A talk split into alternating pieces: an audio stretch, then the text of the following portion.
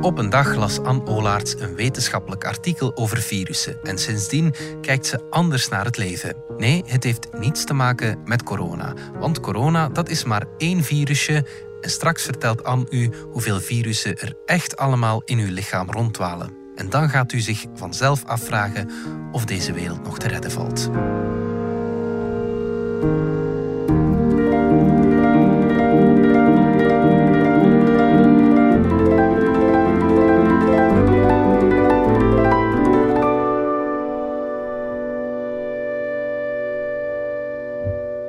Onze darmen zitten 140.000 virussen. Het is wetenschappelijk bewezen.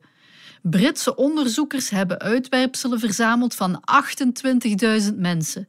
Die hele hoop hebben ze gezeefd.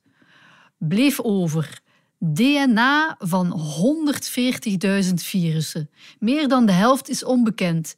En iedereen maar zeuren over één virus uit een Chinese vleermuis. We zitten zelf vol.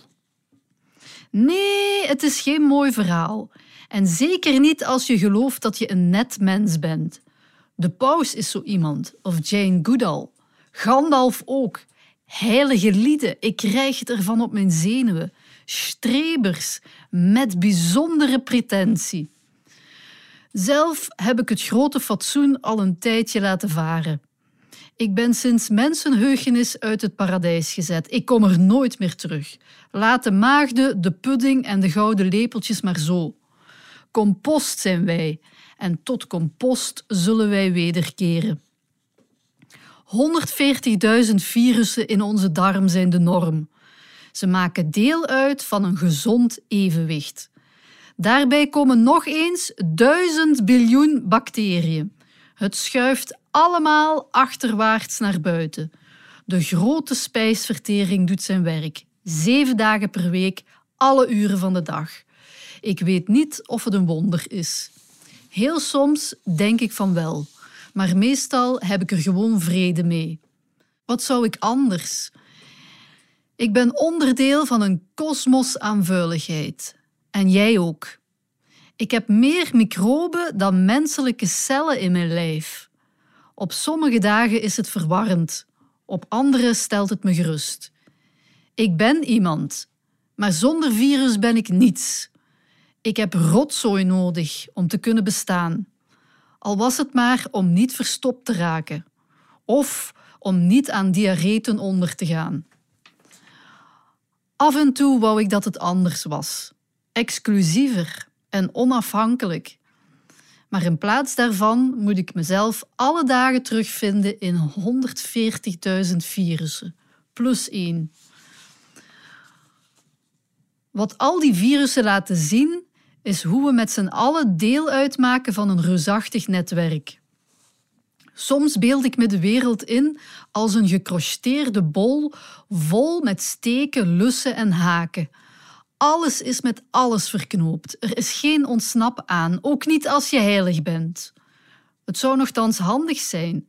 Een simsalabim voor de hemel op aarde. Geen honger, geen bootjes op zee, geen kanker en geen vervormde kinderfiets.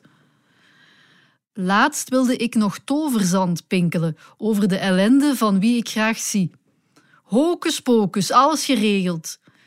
Het hielp opnieuw zoals het nooit helpt. Tot volgende keer, zei ik. De deur ging dicht. Binnen bleef het verdriet onveranderd op zijn stoel zitten. Ik fietste naar huis, samen met mijn 140.000 virussen. De wereld is niet te redden. In ieder geval niet door mij. Het is een motto van Hans Keilson, een psychiater uit Berlijn. Ik raak langzaam overtuigd van hetzelfde.